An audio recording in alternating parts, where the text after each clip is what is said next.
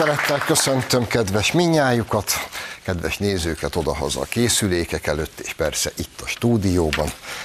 Le vagyok nyűgözve, hogy végre ennyi fiatalt látok, úgyhogy nagy szeretettel köszöntöm a Nógrádi különítményt, imádom, hogy itt vagytok. Az a helyzet, hogy a háború az felülír mindent, és nyilvánvaló, hogy ebben a háborús közegben és pszichózisban rendkívül nehéz ám viccesnek lenni, de legalább az első megszólalás erejéig szeretnék mosolyt csalni az arcotokra, ugyanis még háború idején is el tud szabadulni az elmebaj. És amit most föl fogok nektek olvasni, meg nézőknek odahaza, az nem vicc, az nem fake news, az nem kitaláció, hanem a rögvalóság, és elég jól megmutatja, hogy hol, hol is tart ma egyébként Nyugat-Európa. A hír a következő. A, nemzetkö... a Nemzetközi Macska Szövetség kitiltotta az orosz macskákat a nemzetközi macska versenyekről. Na, ki ehhez mit szóltok? Ma ott tartunk, hogy a Nemzetközi Macska Szövetség azt állítja, hogy Ukrajna múlt heti megszállása óta Oroszország elleni legújabb szankciójaként kitiltják az orosz macskákat a versenyeikről. Szerintetek, és kérdezem persze az otthoniakat is, az orosz macskák mennyiben felelősek ezért a háborúért? És ki az a büdös barom, aki ott ül a macska szövetségben, ilyen frusztrált teszetosza és úgy érzi, hogy neki feltétlenül részt kell vennie a világtörténelemben, és megálmodja, és körbe telefonál. És gyerekek, van egy elképesztően jó ötletem. Tiltsuk ki az orosz macskákat. És mondják, hú, ez tényleg, ez rohadt jó, tiltsuk ki és mostantól az orosz macskák nem versenyeznek a macska szépségversenyen. Na, ha valamitől Vladimir Putyin összeszarta magát, az nyilvánvalóan ez volt. Európa megint hozzájárult valamicskével a békéhez. És persze van ennél sokkal szomorúbb fejlemény is, ugyanis ez ugye a nevetséges elmebaj kategóriája. De történt ám még valami, itt a napokban Európában, nevezetesen a háború kitörése után Olaszországban a Milánói Egyetem vezetése úgy döntött, hogy felfüggeszti az irodalom tanszéken Dostoyevsky tanítását. És ilyenkor az ember ül, megint olvassa, és nem hiszi el. Dostoyevsky 200 éve született. Az emberiség egyetemes, legnagyobb zsenieinek egyike. Ül Milánóba egy rakás idióta, és azt hiszik, hogy az, most az oroszok elleni szankciókban ez egy csodálatos lépés lesz, hogy mostantól nem tanítanak Dostoyevskit. Csak azt nem tudom, hogy miért állnak meg félúton. Hát akkor tiltsuk be Tolstoyt, tiltsuk be Bulgákovot, tiltsuk be az egész orosz kultúrát, ami nélkül amúgy nincsen, és nem létezik, és nem létezhet európai kultúra. És a napokban valamelyik nyugat-európai koncertteremben este abból lett botrány, hogy Csajkovszki volt műsoron, és az ott ülő kretén nyugatiak elkezdtek tüntetni, hogy ők nem akarnak Csajkovszkit hallgatni, mert Oroszország bevonult Ukrajnába. Mint hogyha Csajkovszkinak bármi köze lenne ez az egészhez. És amire ti nem emlékezhettek, mert akkor még nem éltetek, amikor a délszláv háború kirobbant, akkor ott volt egy ilyen, a vége fele egy ilyen döbbenetes esemény, Boszniában egy szétbombázott templomban koncertet adtak, és ott például Csajkovszki Bémo zongora versenyét játszották, ami az egyetemes zenetörténet egyik legcsodálatosabb darabja, és, és hátborzongató volt egy lebombázott háborús iszonyatos körülmények között este a Bémol zongora versenyt hallgatni. És azóta eltelt 30 év, és Európa oda jutott, hogy be akarja tiltani Dostoyevskit, meg Csajkovszkit. Az a helyzet, hogy undorodom a nyugattól, és, és ezt nem is értem, hogy, hogy a nyugat az hogy juthatott idáig. Na de miért csodálkozunk azon, hogy a nyugat ide jutott, tisztelt hölgyek, urak, amikor az az elnöke ma az amerikai Egyesült Államoknak, aki. És ez a helyes ember, Joe Biden bácsi, aki élete jelentős részében egész egyszerűen nem tudja már, hogy hol van. És arról sincs halvány fogalma lassan, hogy ő maga egyébként kicsoda. A minap arról jött hír, hogy elbírt tévedni a Fehérház kertjébe, ahol azért rohadt nehéz ám eltévedni, egyrészt mert mégse a kolorádói rengeteg, másrészt meg a Fehérház is elég nagy, hogy mindenhonnan látszódjon, tehát vissza lehet találni. Neki nem sikerült. Na, ez a bácsi kedden a kongresszus és a szenátus összevont háza előtt, ahogy ez minden évben lenni szokott, évértékelő beszédet mondott. Évértékelő beszédjének természetesen fő témája az a háború volt. No, akkor csak egy pici részletre kukkantsunk bele ebbe a beszédbe. Putin may circle Kiev with tanks, but he'll never gain the hearts and souls of the Iranian people. And there was no way we were ever going to unite Ukraine. I mean, excuse me, Iraq, Afghanistan. Ez se rossz ez a vége, akkor nem nagyon tudja, hogy melyik országról beszélne, de az első megvan. Most kedden azt mondja, lehet, hogy az oroszok el tudják foglalni Kievet, de sosem fogják tudni megnyerni az iráni nép szívét. Ugye a Ukrainian meg az Iranian az lehet, hogy hasonlít, na de hogy egy hivatalban lévő elnök egy háborús konfliktus kellős közepén azt nem képes kimondani, hogy ukrán nép, hanem összekeveri az Iránnal, ez azt gondolom, hogy mindennek a teteje. És hogy elképzelem Teheránban, amikor ez a beszéd elhangzott, valószínűleg a komplet iráni titkosszolgálatnak így összeugrott a gyomra, hogy vajon mit akart nekünk üzenni az amerikai elnök és hosszan kutatták a lehetséges okokat, mikor végre Ali betelefonált, hogy gyerekek álljatok le, az elnök bácsi csak komplet hülye. Ne keressetek semmiféle nagy mögöttes tartalmat. És hogy ugye itt az ember ugrál Amerika meg Európa között, hogy ez kik irányítják ma a világot, és ez egyre hátborzongatóbb és kétségbeejtőbb.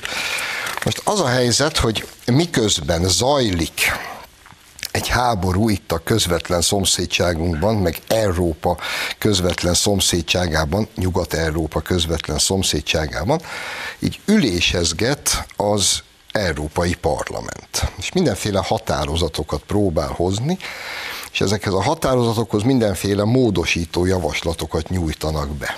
Így történt ez a héten is, amikor is egy bizonyos Martin Shirdevan, meg egy Manon Aubry, mindketten a baloldal képviselő csoportjának a tagjai, és ennek a képviselő csoportnak a nevében módosító indítványokat nyújtottak be. Most, ismétlem, az Európai Parlamentben. Miközben zajlik egy háború, miközben mindenki azzal van elfoglalva, és egyébként a harcias nyilatkozatok erről szólnak, hogy Putyin megáll-e Ukrajna határainál, vagy tovább akar jönni, meg egyáltalán mi lesz, meg hogy kéne védekezni, meg mégiscsak hogy maradjunk ki belőle, de ugyanakkor védjük meg Ukrajnát. Ez megy a felszínen, eközben jönnek a komcsik, az, a nyugat-európai komcsik, és a következő módosító indítvát nyújtják be. Ukrajna háborúját az orosz nép nem támogatja, szól a módosító. Felszólítja az, felszólítjuk az összes politikai szereplőt és médiát, hogy ne táplálják a háborút olyan retorikával, amely gyűlöletet szít az európai népek között. Eddig ez nagyjából rendben is van. Felszólítjuk a katonai blokkok logikáján alapuló európai biztonsági rendszer megszüntetésére az uniót, felhívjuk, hogy oszlassák fel a NATO-t. Hát ez jó ötlet. Itt állunk szügyig egy háborúban. Van egy, az egész nyugatot, és egyébként immáron Közép-Európát védelmező katonai szövetség. És most jönnek az európai komcsik, és bejelentik, benyújtanak egy módosító indítványt, ami arról szól, hogy a NATO-t fel kell oszlatni. Most, hát ha valamikor ez egy remek ötlet, akkor az tényleg most van. Ennél már csak az lenne jobb, hogyha arra szólítanának fel, hogy szereljünk le most minden létező hadsereget. De egyébként szerintem perceken belül ezt is meg fogják tenni, mert ő nekik ennyi eszük van. Viszont, hogy mindezek az események, és mindaz, amit idehaza, ami szeretve tisztelt ellenzékünk művelni tud, hogy ezek hova vezetnek, azt azért viszonylag tisztán látjuk, mert hogy a HVG, a heti világgazdaság megbízásából kijött a Medián közvéleménykutató legfrissebb közvéleménykutatása. Mikor elolvastam, akkor azon gondolkoztam, hogy vajon a HVG-nél milyen gyógyszert szedtek, amikor ezt ők is elolvasták. Ugyanis a HVG kihozta az új eredményt, amely szerint a kormánypártok jelen pillanatban 12 százalékkal vezetnek az Egyesült Ellenzék előtt. 12-vel. A medián szerint a háború kitörése előtt még csak 4 százalékkal vezettünk, mióta zajlik a háború, sikerült fölmennünk 12 százalékos vezetésre. Ami én azt gondolom viszonylag nyilvánvaló, hogy összefüggésben áll mindazzal, amit a mi szeretve tisztelt ellenzékünk képes művelni ebben a háborús helyzetben. Ahányszor megszólalnak, annyiszor beszélnek baromságokat. Hogy messzebb ne menjek, ez a kartcsörtetés, amit művelnek, hogy azonnal mi legyünk aztán az elsők, akik túl teljesítjük az összes létező NATO határozatot, és ha kell, akkor mi fegyvert, ha kell magát katonaságot vigyünk Ukrajnába. És képzeljük el, hogy, hogy 20 e, éves rácok vagytok, ha bármi ilyesmi történne, ti mennétek először. És így elképzelem a szüleiteket, mikor ezt így hallják. Nekem is van öt gyerekem, ebből négy fiú. Én is olyan, úgy, úgy megnyugodtam, hogy kisimultam, mikor a Péter mondta, hogy jó lenne, hogyha mi fegyveresen részt vennénk ebben a buliban. Nem normálisak. És, és tényleg beláthatatlan következménye lehet mindannak, amit művelnek, és,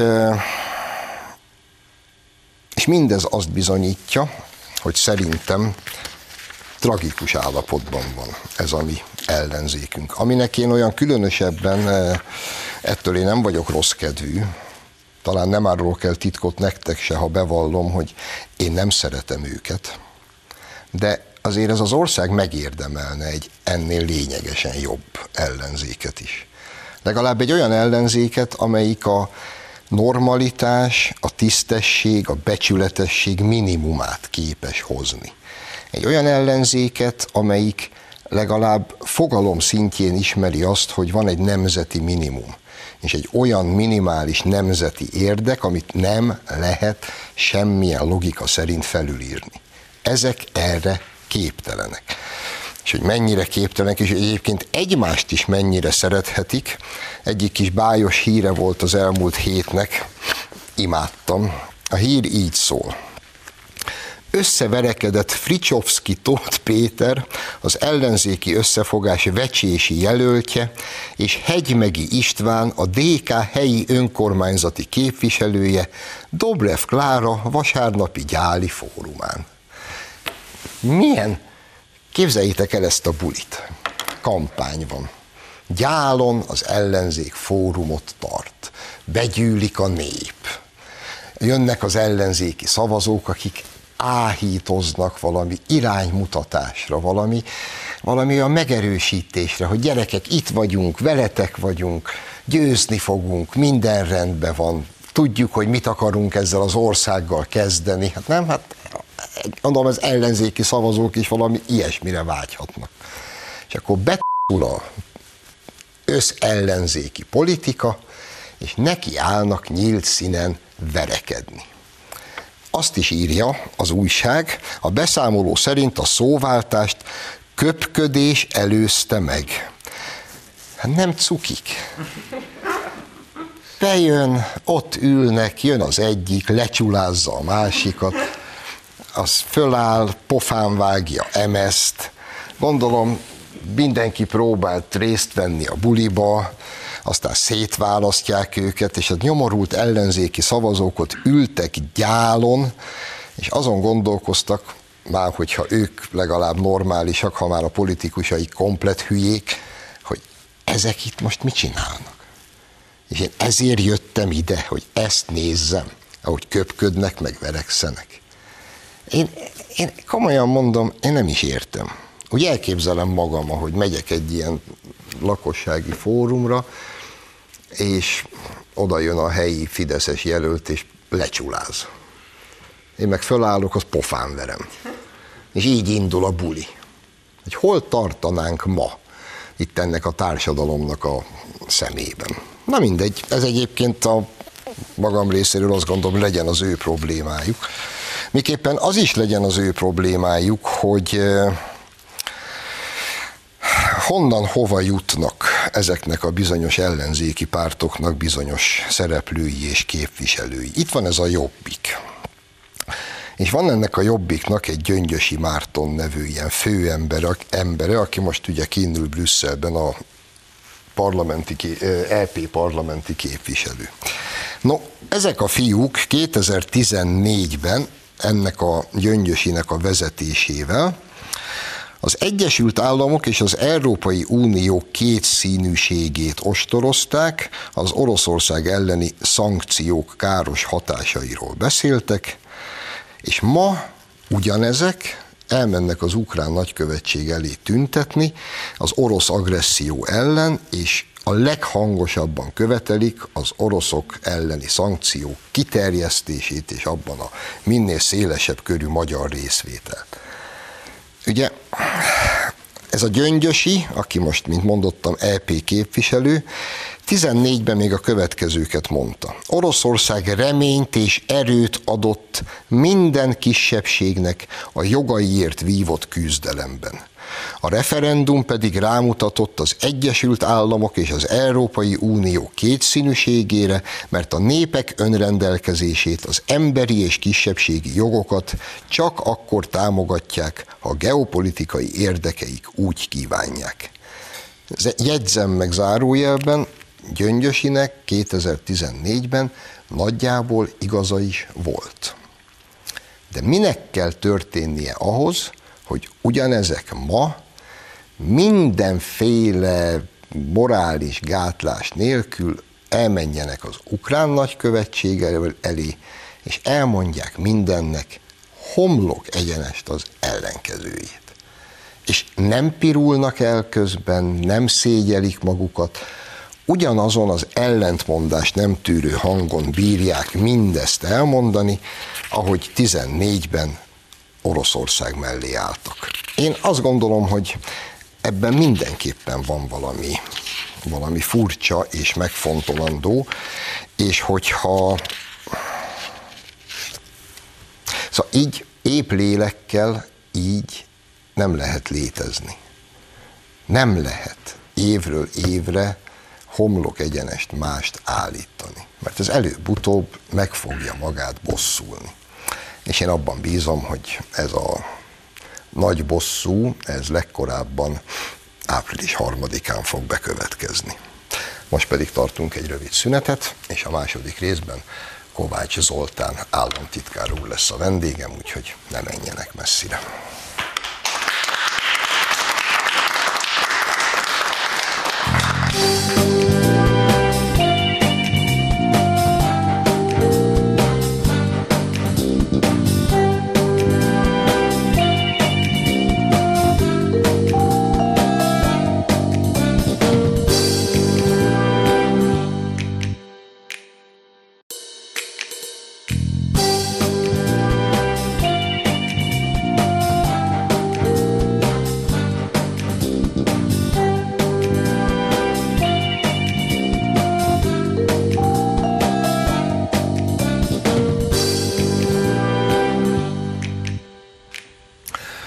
Folytatjuk az adást, vendégem tehát a stúdióban Kovács Zoltán, nemzetközi kommunikációért felelős államtitkár. Szia Zoli! Szervusz! Köszöntelek!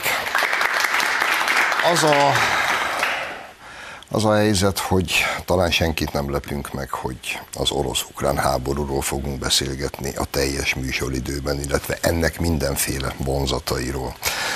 Kezdjük talán néhány mondattal. Az egyik idézet így szól. Orbán Viktor egy személyben felelős azért, hogy Oroszország megtámadta Ukrajnát. Ezt a mondatot már Kizaj Péter mondta. Kommentálnád?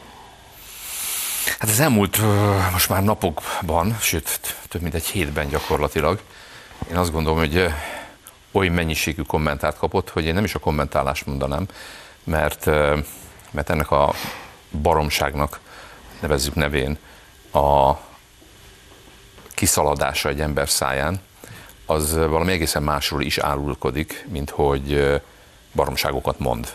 Az pedig nem más, mint amit az elmúlt években, sőt most már 12 évben a baloldal, éli most ezzel az új üdvöskével, miniferivel, folyamatosan tesz egyébként Magyarországon. Úgy tesz, mintha szavaknak, mondatoknak nem lenne jelentése. Bármit lehet mondani. Tehát a legmeghökkentőbb és a legdöbbenetesebb a jelen körülmények között tulajdonképpen a háború megelőző napokban is jelen volt már ez a magyar baloldal és az európai baloldal részéről, hogy a szokásos, vagy a már megszokott szavakat elinfláló, elértéktelenítő meg használat, az átcsapott valami egészen másba. A, tehát a gyűlölet, a, a politikai elvakultság, ami mindig is jellemezte őket, az átcsapott egy olyan felelőtlenségbe, ami én azt gondolom, hogy megint csak a sajátjuk. Tehát nem arról van szó, hogy ne ismernék fel, ne tudnák, hogy ilyen körülmények között minden szónak jelentősége van. Egy országban, egy országgal kapcsolatban, egy nemzettel kapcsolatban egészen pontosan, hiszen a Kárpát-medencében különös tekintettel a kárpátaljai magyarokra most nemzetben kell gondolkodnunk, egy ország részéről és egy nemzet részéről megjelenő kijelentések, azok a háborús felek, vagy úgy általában a konfliktusban érintett összes országban nem simán, egyszerűen, hanem többszörösen visszhangoznak. És azon túl, hogy tételes hazugság és baromság, amit állít, a soroz, a soroz hosszú, tehát lehetne itt folytatni, hogy mi más mondott még. A probléma az, hogy egy olyan helyzetben, amely tőlünk függetlenül, rajtunk kívülálló okokból robbant ki, majd az elemzők elkezdik összerakni azért a háborúhoz vezető okokat, hisz ez egy messzire vezető eszmefutatás lenne megnézni azt a szóbeli lincselést, meg a dezinformáció minden irányból áramló és puposodó kijelentéseit. Szóval egy olyan környezetben, amelyben Magyarország eszközei és lehetőségei eleve korlátozottak, viszont az érintettsége a kárpátaljai magyarok okán közvetlen, minden szót patika mérlegen kellene mérlegelni. Megszoktuk sajnos az elmúlt 12 évben ezt a felelőtlenséget, ez most határtalan ez a felelőtlenség, tehát nyugodtan mondhatjuk, hogy a magyar belpolitikai határokat messze túllépte, és a súlya is túllépi. Ilyenkor nemzeti egységet kell tanúsítani, nincs helye azoknak a kijelentéseknek, amelyek, még hogyha vannak is politikai különbségek, a felépített narratívákat, az eddig használt politikai toposzokat a háború körülményei között tovább próbálják súlykolni, miközben pontosan tudják, hogy tételesen nem igaz mindaz, amit mondanak. Akkor hagyj vessek föl egy, csak egyetlen lehetséges következményt. Anélkül, hogy belemennénk, hogy milyen okok vezettek eddig a háborúig, de azt azért szögezzük le, hogy az okok között egész biztos, hogy ott van a 2014-es úgynevezett majdani forradalom után fellángoló effektív náci, ukrán nacionalizmus, és annak mindenféle megnyilvánulása. Most egy háborús helyzetben a magyar ellenzék miniszterelnök jelöltje azt mondja, hogy a magyar miniszterelnök felelős a háborúért, és ezt kint meghallgatják ukrán nacionalisták és Annak... ráadásul azt is mondja, hogy az ide átmenekült magyarok egyébként pedig nagy része orosz párti volt, ami meg abban a felállásban, amelyben pontosan tudjuk, hogy valószínűleg az orosz titkosszolgálatoktól kezdve, aki tudja kiig, matatott abban a közedben, és akkor finoman fejeztem ki magamat, amelyben ez, a, ez egyébként adottságaitól fogva sok nemzetiségű, rendkívül vegyes, etnikai, kulturális összetételű ország, amelynek mi a szuverenitásában, a fennmaradásában elemi érdekünk, hogy érdekeltek legyünk. Szóval eleve szenvedett az elmúlt időszakban. Szenvedett külső, szenvedett belső okokból, még egyszer nem most van az ideje ezeket sorra venni, mert senkinek nem lesz füle arra, hogy ezt higgadtan tegyük, én attól félek. Szóval ebben a környezetben, amelyben majd az okok, amikor feltárják őket, meg fogják mutatni, hogy azon kívül, hogy ki kezdte a háborút, az okozókat, és neven, nevén nevezni is felsorolni, azért majd ez egy hosszú tételes lista lesz, de ebben a közegben Magyarországot megpróbálni belerángatni egy olyan konfliktusba, amely nem az érdekünk, és ugye minden szó a tűzre, amelynek nincs helye, ezt a hangulatot gerjeszteni, én azt gondolom, hogy olyan típusú felelőtlenség, ami, ami, ami a veszélyességével tűnik ki mindenből. Mert eddig is mondtuk, hogy mennyire veszélyes mondjuk migrációs, vagy éppen a, a koronavírus elleni küzdelemben, a, védelem szervezésében azon kijelentések sora, amely megpróbálta félrevezetni a nemzetközi közvéleményt, Magyarország valódi menekültekkel és migránsokkal szembeni, illetve hozzájuk való hozzáállásában a különbségekről, amelyek tökéletesen érthetők, most válnak érthetővé egyébként a szemünk előtt, ahogy most már ugye tegnap esti hírek szerint 140 ezernél többen is jöttek Magyarországra. Szóval amikor eleve érdemes lenne különbséget tenni szavak jelentése és kijelentések között, vagy gondoljunk a koronavírus esetében a keleti vakcinák elleni hergelésen. Pontosan mindenki tudja, hogy azok a keleti vakcinák, amelyekhez mi hamarabb hozzá tudtunk jutni, valószínűleg emberek ezreinek az életét és tízezreinek az egészségét védték meg azelőtt, hogy nyugati vakcina lett volna. Tehát úgy is tettünk, hogy megszoktuk és a veszélyességét bekárolhatnánk, vagy kezelhetnénk magyar kerülmények között. Most ennek mindennek nemzetközi jelentősége van. De ez a felelőtlenség és veszélyesség, ahogy a baloldal a politikáját műveli, a, még egy választási kampányban is, az túlmutat, messze-messze túlmutat a választáson, a választás tétjén, nemzetközi és háborús tétje van, úgyhogy én nem tudom, hogy hogy lehet ezt megállítani, vagy ki az, aki le tudná őket állítani, zárójel, valószínűleg senki. Minden magyar embernek az lenne az elemi érdeke, hogy ezt hagyják abba. Igen, és akkor én csak kimondom így végezetül azt a mondatot, amikor Márkizaj ezt a mondatot kimondta, a szó legszorosabb értelmében Kárpátalján élő magyarok életét tette kockára. Ez így van, és, ezt, és ezt ők el is fogják mondani, de egyébként elmondta Kárpátalja ukrán kormányzója is hogy fejezzék ezt be, mert a magyaroktól minden segítséget megkapnak, amit jelen körülmények között meg lehet kapni, és senki nem kérte egyébként Kárpátalja ukrán kormányzója sem, hogy Magyarország váljon részesévé azokkal a tettekkel, fegyverszállítással, katonaküldéssel, amit most tételesen lehazudnak egyébként, miközben hangfelvétel eh, van róla, eh, videófelvétel van róla egészen pontosan, próbál, eh, próbálnak tételesen lehazudni. Tehát én lehet, hogy ezt megszokták, hogy ez a baloldal egy ilyen kommunista tempóban, ahogy szokták mondani. Egy választási kampányban minden elfogadható, meg úgyis elfelejtik az emberek. Én azt gondolom, hogy ezt semmi, sem a magyar emberek nem fogják elfelejteni nekik. No de hogyha kitekintünk Európába, Brüsszelbe és az Európai Unióba, akkor azt kell mondjuk sajnos, nagy sajnálattal, hogy ez a bizonyos dezinformáció és össze-vissza hazudozás, ami többek között Magyarországot illeti, ez ugyanúgy folyik. Például egyébként menekült kérdésben. Én nem szeretek elméleti eskedni, mert egyrészt gyakorlatiasabb vagyok, meg a szóvivőség azért arról szól, hogy az ember a szavak súlyánál, illetve közvetlenségénél fogva tudja, amikor mond valamit, visszautalva az előbb, hogy a szavaknak van jelentősége. De azt látni kell, és beszálljon tőlem, hogy idézőben védeni szeretném azt a narratívát, vagy azt a nyugat-európai politikai felfogást, amit velünk szemben most már több mint egy évtizede építenek. De egyet talán meg kell értenünk egyébként, az az, hogy amit felépítettek, abból nem nagyon lehet visszajönni. Mert akkor be kellene látni, hogy nem mondtak igazat. Ugye én azért nem csodálkozom azon, ami történik most Brüsszelben, jön a nyugat-európai politikusok szájából, biztosok szájából egyébként. A baloldali pártokhoz tartozó biztosok, azok masszívan hazudnak Magyarországról, vezetik félre a bizottság, a politikai, az nyugat-európai politikai közvéleményt. Az azért történik, vagy részben azért is történik, mert egy évtizede építenek ellenünk egy olyan történetet, egy olyan narratívát, amiről mi, meg a magyar emberek is pontosan tudják, hogy nem igaz, orosz barátságtól egyébként a, a menekültelenségig terjed ez a spektrum, ezer és ezer darabja, porcikája, ilyen kis mozaik, eleme, mozaik darabkája van, amiből megpróbálják kirakni ezt a képet, és, és most azt mondani, hogy bocs, fiúk, tévedtünk, nem lehet arcvesztés nélkül, és nem is teszik meg természetesen, mert, mert, mert maguk is azt gondolják egyébként, amit mondanak, miközben tételesen igaz, tételesen tudják, hogy nem igaz, illetve hazugság. És most, amikor egyébként például a szavak helyett arra lenne szükség, hogy az Európai Unió lehető leggyorsabban küldjön leginkább egyébként pénzügyi segítséget azoknak az országoknak, akik szomszédosak Ukrajnával, hogy azt a, a segítséget, amit a ide áramló, most már több mint egy millió ember, szerintem megmerem kockáztatni, hogy a műsor sugárzásának idejére másfél millió körül lesz a, a menekültek száma. Tehát az ő ellátásukra, tehát konkrétan pontosan tudjuk háborús övezetből menekülő menekültek ellátására kellene fordítani, nem jön semmi.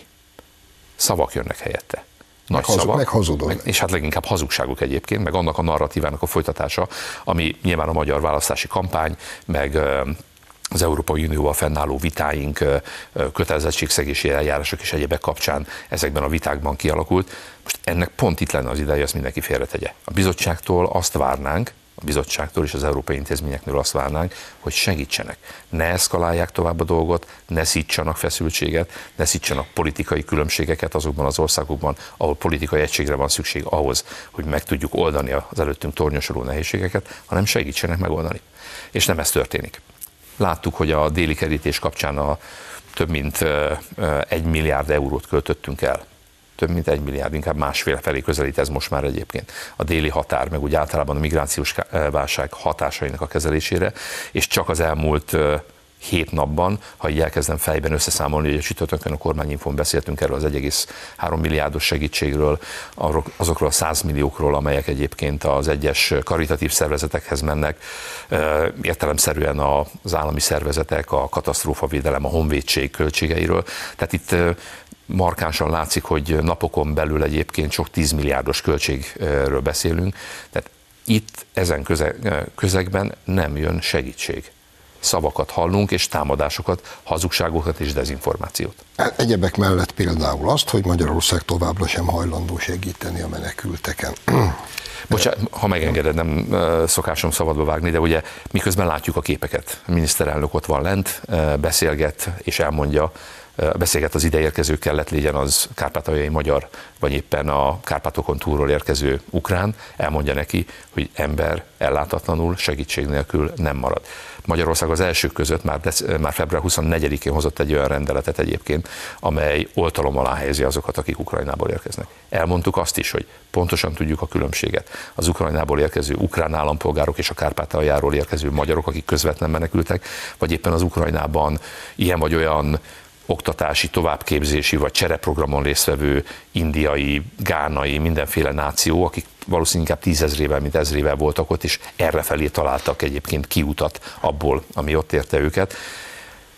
Mindenkinek segítünk, mindenkit úgy kezelünk egyébként, ahogy a státuszának, az egzisztenciális hátterének és érdekének megfelelően kell, és közben nem általanak hazudni arról, hogy lám-lám, micsoda párfordulatot vett a magyar magatartás ebben a kérdésben. És nem volt semmilyen párfordulat, ha valakinek itt Közép-Európában, Magyarországnak nagyon masszív gyakorlata van, például a délszláv háború kapcsán a menekültek kezelésében. Én azt nem tudom felfogni, hogy hogyan lehetséges még mindig, hogy próbálják megmagyarázni a megmagyarázhatatlant, meg védeni a védhetetlent. Hát hosszú évek állnak mögöttünk. Mindenki millió felvételt látott, hogy a közel és távol-keletről, vagy akár Afrikából ide özönlő migránsok, többnyire fiatal, 20 éves férfiak, kezükben a mobiltelóval, amin ott az útvonal, megérkeznek a déli határkerítéshez, ami a kezük ügyébe van, azzal nekiállnak dobálni és haigálni a magyar katonákat és a határt védő rendőröket. Most már a legutóbbi felvételeken fegyverek voltak náluk, amivel fenyegették az embereket, dobálják a magyar járműveket, erőszakosak, elviselhetetlenek. Ezeket nevezi a nyugat szegény menekülteknek, akiket mi nem fogadunk be. És most kitör a háború, országvilág láthatja, hogy mi az a menekült, mi a különbség egy ide özönlő erőszakos migráns, meg azok között, akik reszketve, zokogva, családostól a gyereküket az ölükben tartva jönnek, és nem azzal vannak elfoglalva, hogy haigálják a oda özönlő magyar segítőiket. Hogy lehet ezt még mindig megpróbálni, megmagyarázni, hogy az egy és ugyanaz a tömeg? Nem káromkodni fogok, bár arra is, arra is lenne kedve az embernek, hanem amikor azt mondom, hogy a kognitív diszonancia, ez egy gyönyörű kifejezés egyébként, ami pontosan leírja azt, amivel küzdenek Nyugat-Európában. Tehát hiába tudják, hogy mi az igazság, képtelenek visszafordulni annak a kimondására, vagy annak az értelmezésére, mert az a narratíva, az a szövegkörnyezet, az a történet, amit ők mesélnek, az nem illeszkedik a politikai felfogásukba azt kell látni, hogy a politikai baloldal Magyarországon is, és Nyugat-Európában is zelóta. Mit jelent az zelóta? Az zelóta az egy olyan, nevezhetnénk céltudatosnak ide, olyan megszállott, akit nem érdekelnek a tények, nem érdekel a valóság, az a saját igazát, a saját felfogását fogja mondani a világról minden körülmények között. Ez szerintünk egy csapdahelyzet egyébként. Nagy valószínűséggel a jövője pont olyan, mint maga a jelenség, felfoghatatlan és valószínűleg jövő nélküli de amíg eljutunk odáig, addig valami, vajon mennyi szörnyűségnek kell bekövetkezni. Tehát lehet-e, és akkor visszakanyarodunk oda, amit az elején, amiről az elején beszéltünk, lehet-e olyan szavakat, e, szavakból képzett kifejezéseket, mondatokat képezni, amelyeknek az értelme és jelentése pont a valóság ellentette. Lehet, de mi ennek az ára? És meddig lehet fenntartani azokat a történeteket, és nem csak Magyarországról beszélünk.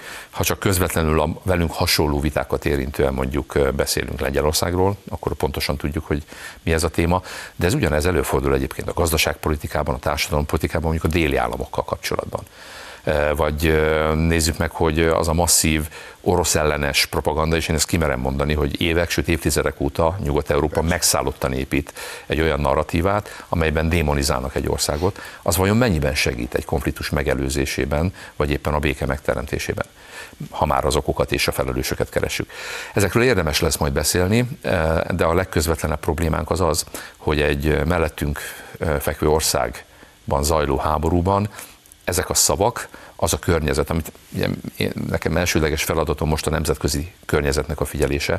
Tehát ami a Twitteren, a Facebookon és a különböző social media felületeken zajlik, az valami egészen megdöbbentő. Tehát ennyi hazugságot, ellenőrizetlen információból, félinformációból kialakított véleményt, és ebből fakadó szóbeli, meg idő, az ember lát ilyen képeket egyébként, lincselést, az nagyon ritkán lát. És hogy ennek a, ennek a önmagát gerjesztő, ilyen spirál formában egyre mélyebbre rántó jellegét hogyan lehet megszüntetni, az mindannyiunk felelőssége. És akkor vissza is kanyarodtunk oda, hogy mi a magyar baloldal felelőssége ilyen körülmények között.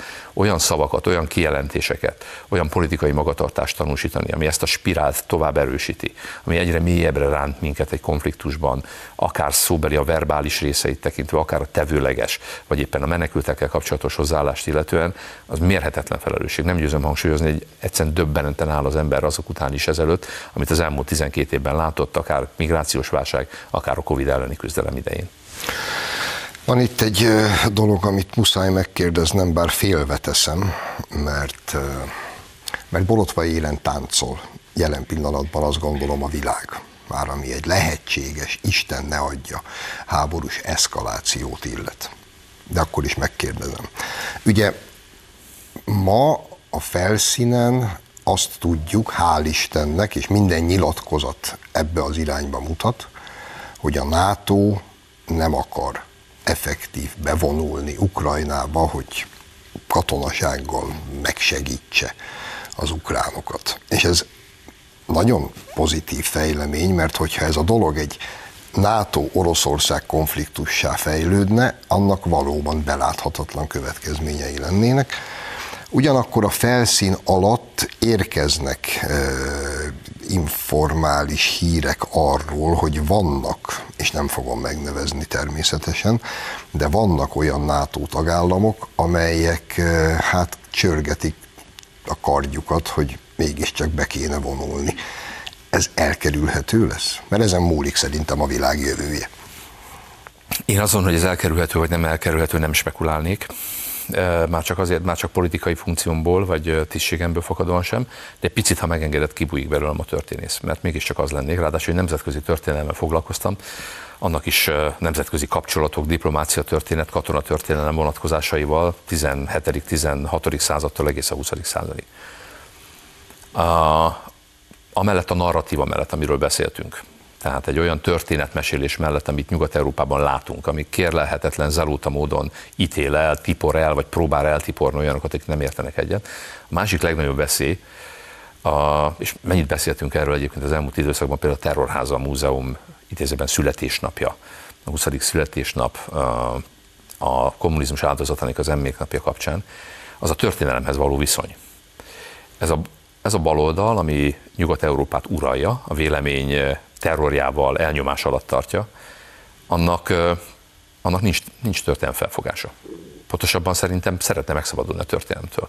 Amikor kommunistázunk, akkor itt sok fiatal ül velünk szemben, én nekem nem kenyerem ez egyébként, de hagyj emlékeztessek arra, hogy a kommunizmus egyik legfontosabb célkitűzése pontosan az volt egyébként, hogy a történelmet eltörölje. A múltat végképp eltörölje. Így, így, és újraírja, újraírja egy olyan szempontból, ami nyilvánvalóan soha nem volt igaz. Egy osztályharcos, az hasonlóképpen zelóta, tehát céltudatos formában, és a történelem ismeretének egyre markánsabban látszó hiánya, amit a nyugat-európai országok politikai elitjeiben, döntéshozóinál látunk, tragikus egyébként megnézni az elmúlt időszak megnyilvánulásait, akár az Egyesült Államokban is ezzel kapcsolatban, akkor abból az a veszély vetődik fel, hogy annak a képességnek a megértése, ami mondjuk Kína esetében egy több tízezer éves civilizációt, az oroszok esetében egy jó, jó pár évszázada láthatóan működő, nyilvánvaló politikai, egzisztenciális felfogásban működő közeget nem is akar megérteni. És a nem akarásból, a megértés hiányából csak is rossz lépések következhetnek. Zoltán, köszönöm szépen, hogy itt voltál. Önöknek köszönjük a megtisztelő figyelmet. Jövő héten a szokott időben várom Önöket. Viszontlátásra!